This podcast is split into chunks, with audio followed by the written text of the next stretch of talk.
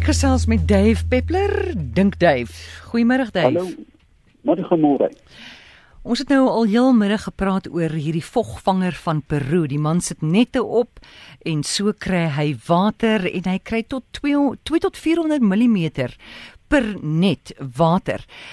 Nou wil ek weet hier by ons, ons kan dit ook seker doen wel daai idee het blykbaar in Suid-Afrika ontstaan en kan ons nette opsit op koppies veral in die Weskaap om wind ook te melk.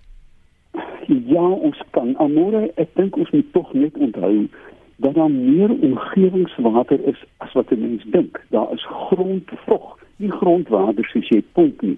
Nou oorlewers weet dat indien jy nie water het nie, kan jy 'n gat grawe in die aand in die grond, 'n bakkie onder sit, 'n plastiek soutjie daaroor span met klippies daarom en dan gooi jy een klippie in die middel sodat dit 'n trechter vorm en volgende oggend het jy gewoonlik 'n half bekertjie water wat gekondenseer het.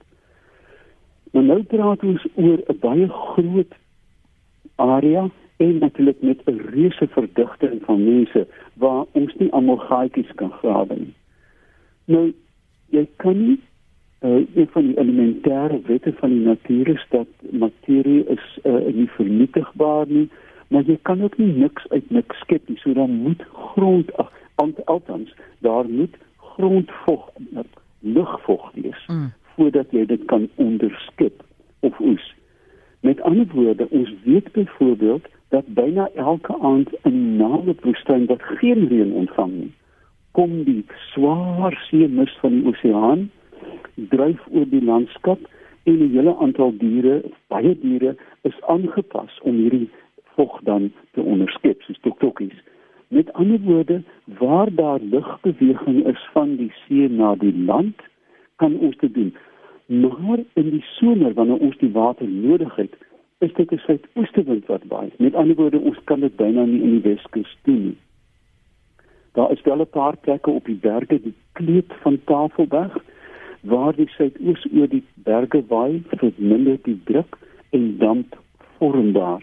Maar mens kan jy beswaarlik indink dat jy hierdie reusagtige strukture bo op Tafelberg kan bou. So, ja, dit is moontlik op 'n klein skaal vir baie klein gemeenskappe, maar ongelukkig dink ek kan dit nie 'n duik maak in die waterverbruik van 'n stad soos Kaapstad nie. Hier is ons eerste oproep oor water, Charlotte, hallo. Hallo. Ja, jy kan maar praat. Hi, Amore. Hallo Dave, dis Henny hierso van Uitnaag. Uh ek het so 'n week gelede met 'n kollega gepraat wat by die waterraad gewerk het by die munisipaliteit. Toe sê hy vir my as jy suiwer water soek en jy loop in die natuur, moet jy uitkyk vir naaldekokers want naaldekokers gaan byvoorbeeld net na skoon water toe. Maar toe sê hy weer skoenlappers, hierdie klein veldskoenlappertjies, uh is geneig om na suurwater toe te gaan, veral ehm um, beeste en skape se urine, dan uh um, um, kon ek sê dan dan konfedereer hulle baie gou daar waar daai uh suur uh, uh um vloeistowwe is. Uh ek wil net weet hoe akkuraat is dit as ek byvoorbeeld nou sê gaan stap in die bos en ek soek nou 'n bron van vars water. Vir watter tipe insekte moet 'n mens uitkyk? Ek luister by die radio. Dankie. Goed Henny. Wat 'n lekker vraag aan môre. Mm. Ja, kyk naaldekokers. Um daar is 'n gids ontwikkel van uh, professor Michael Samways wat naaldekokers en hulle larwes gebruik as indikators van waterkwaliteit. Hulle soek vloeiende, hoë kwaliteit water. Maar dit beteken nie dat daardie water vir die mens bruikbaar is nie.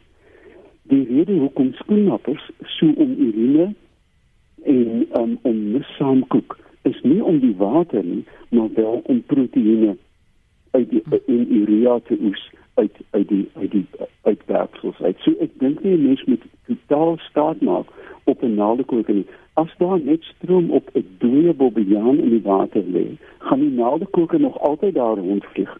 So, ek dink 'n mens moet regtig versigtig wees om uitsluitlik op insekte af te gaan. Dave, kan daar nog plantasies geplant word teen hellings van berge?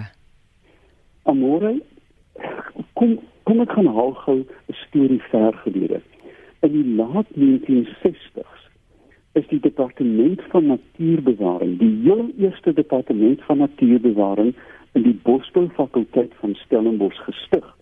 En my eertydse baas professor Rudolf Bigalki is as eerste professor daar aangestel en hy het vir jare soos Queen Elizabeth II uh, regeer 'n lang goeie loopbaan. Die rede hoekom hy aangestel is, was nie noodwendig om natuurbewaring in die breë aan te spreek nie, maar spesifiek om 'n volhoubare bron van benutbare drinkbare water uit die berge van die Suidwes-Kaap te kry. Dis so eenvoudig so dit. Die departement van bosbou het juist het daardie tyd al geweet dat die impak van plantasies is aansienlik op die produksie van water. Tweedens in 1994 met die Rio Kongres is die Forest Stewardship Council gestig wat volhoubare bosbou ehm um, voorgestel het. En een van hulle grootste oorwinnings was om plantasiebome terug te trek van rivierlope in opvanggebiede. Nou, daar is twee aspekte hieraan. Ek dink ekonomies wat dit is my mening, dit is nie 'n wetenskaplike mening nie, maar dit is my deurdinkte mening dat bosbouplantasie is nie winsgewend in die Wes-Kaap nie. Dit is 'n winsgewing in Mpumalanga. Mm. Wat ons hier het is historiese plantasies. Um, en daarom is daar nog van hulle. Ek kan jou waarborg dat indien alle plantasiebome in die Wes-Kaap uit opvanggebiede verwyder word, watertoevoer aansienlik gaan verhoog. Maar daar's ook 'n tweede aspek en dit is dat hierdie bome van hulle is indringers van die pinus spesies, die dennebome. En hierdie saad gaan ontkiem waar daar vog is. Met ander woorde, hulle suip nog meer water. So, ek wil graag 'n ernstige versoek rig aan die owerhede, beide privaat en ook aan die staat. Oorweeg dit sterk om bosbou, plantasiebosbou aan die opvanggebiede van die Wes-Kaap te onttrek om twee redes. Die verhoging van water wat die oorspronklike natuurbewarings in uh doel, uh, doel was. En tweedens om die indringing van pestplante verder te stop. Daar is munisipaliteite hier wat sê ons projek is om 'n miljoen bome aan te plant. Ek basyn uit haal 'n miljoen bome uit, moenie nog aanplant nie. Goeie, was wat nog 'n vraag? Charlotte, goeiemôre. Uh, maar eh uh, Sarah hierso. Uh, ek wil net vir jou vra wat hoekom kan hulle nie die uh, lugversorgers by eh uh, se water opvang nie? Dit is baie skoon en kan gebruik word. Goed, Sarah, ek dink baie mense doen dit al klaar. Môre, ek het nie mooi gehoor nie. Hy wil weet hoekom kan mense nie die lugverkoelers se water opvang nie? O ja, kyk, uh, nee, baie mense doen dit self. As jy kyk na 'n groot um, gebou soos 'n uh, inkopiesentrum. Hulle gaan duisende liter water per dag produseer. So, ek dink groot hospitale, dink byvoorbeeld aan 'n mediese klinieke. As hulle hulle lugreëling, hulle sentrale lugreëling, kan hulle 'n reuse hoeveelheid water opvang. Dit uh, dit is al al, al lankal 'n moontlikheid. Dit moet net gedoen word, dan net genoeg tanks opgesit word en ek dink daar kan aansienlik water so opgevang word. Dave Alwyn wil weet, hy sê as jy nou water in houers hou nê, hy sê moet mense deur skynende houer vat of dan liewer 'n swart houer wanneer 'n deskynende houer kom maar maklik alge. Ja, dit is een van die reuse probleme van wateropgaar op 'n klein skaal wat nie behandel is nie. Ek kry gereeld navrae oor klein rooi wurmpies wat onder in die tank lê ensovoorts. Ek dink dat mense sou verkies om 'n ondeursigtige houe te hou en daar is 'n um, middels wat jy kan gebruik 'n druppeltjie of twee of 'n teelepeltjie of twee wat die water dan stabiliseer jy verstaan en en en dat dit nie alge inkry nie wat ook dan nog drinkbaar bly maar mens moet tog versigtig wees dat indien die water wat jy opvang organiese materiaal bevat dan gaan jy alge kry met ander woorde dakwater kan jy dink 'n hele somer of 'n winter lank sit die duwe op jou dak en ontlas en nou kom die eerste reën. Liewe hemel, dit is 'n dik sop wat in jou tank inloop. So mens moet werklik versigtig wees om organiese materiaal, enige organiese materiaal uit die water te hou. Noem gou vinnig weer, daar's 'n druppel wat 'n mens kan kry of iets uh, in 'n botteltjie wat jy kan sit daarin. Wat noem mens daai druppel? Nie die die Jy kan 'n watersuiweringschemikalie, Ah. dis nou 'n lang woord, Ja. maar um, dit is beskikbaar. Jy, jy kan dit veral by kampeerwinkels kry, né, waar jy veldwater, omgewingswater kan in 'n sak sit en dan 'n druppel of twee bygooi en dan steriliseer dit die water effektief. Ek is seker van mens kan dit net opskaal om dit op huishoudelike vlak te gebruik. Goed, ons neem gou 'n oproep. Charlotte, hallo. Goeiemôre, Willem hierso. Yes, Willem. Ehm um, ek wil gou wat hy vra. Ehm um, die as mens reënwater nou opgevang het en jy het hierdie filtreerstelsels in, is dit goed goed doen voldoende om dit te gebruik vir drinkwater? Absoluut. Ek het um, ek kyk ek ek, ek sien nou deesdae die tegnologie is besig om baie vinnig. Daar is hierdie U-vormige opvangers wat soliede materiaal um, opvang voordat in die tank ingaan en dan kan dit ook deur 'n houtskoolfilter of deur 'n fyn filter geneem word.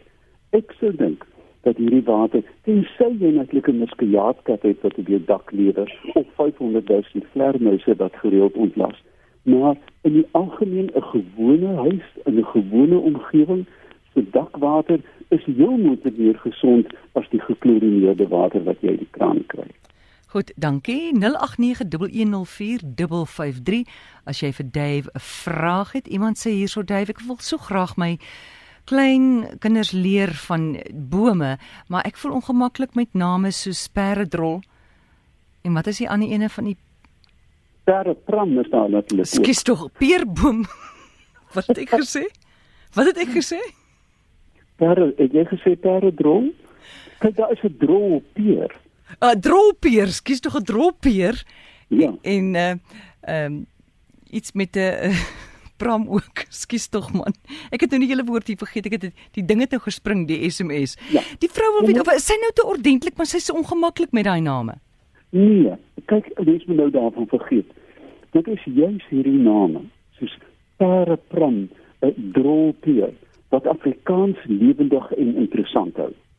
Ah. Om om nou sy wetenskaplike naam te noem of sê dit is 'n kutrolpeer, jy weet so met so effense akademiese streeletjie op sy Hollandse naam. Ja. Dit het nie vir my dieselfde impak van iemand wat sê drolpeer nie. Dit is dit is eie aan ons kultuur. Almal weet waarvan jy praat en ek dink daar is min tale. Ek meen het jy ek kan Engels iets kan jy vertaal in Engels na 'n drolpeer toe? Nee, dit is Nee. net Afrikaans wat dit kan doen.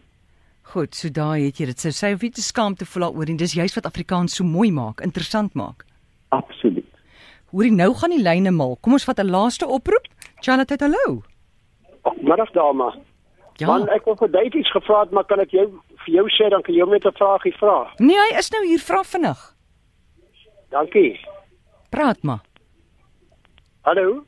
Hallo ja, ek luister. Hallo Dave, is Bram Smit van Kimberley. Yes. Ag man, ek wil net weet African Blackwood. Daar in Nysna verkoop hulle 'n sekere maatskappy dit vir 'n half miljoen rand 'n kubieke meter. Waar kom dit vandaan? Dankie hoor. Goed. Blackwood is 'n indringer spesies omdat ons net nou oor gepraat het, um uit Australië. Alhoewel dit van die mooiste hout denkbaar is. So, um wanneer jy Blackwood koop dan uh, help jy die ding uitroei, maar daar is baie plekke op aarde waar Blackwood geplant word juis vir sy pragtige hout. Dit ons moet dit eenvoudig nie verwar, verwar met ons eie swart hout nie. Dit is twee verskillende dinge. Ons kry swart hout um, in ons inheemse woude, maar Blackwood is 'n indringer en dis duur omdat dit so mooi is. Goed, dankie Dave. Daai twee name nou weer wat jy vroeër gesê het, daai mooi name in Afrikaans. Daarvan Sê dit gou weer daai name moet ek dit hard sê. asseblief. Parapram en drolpeer. Dankie. Ons praat weer volgende week en besoek Dave op sy Facebookblad. Dis Dave Peppler.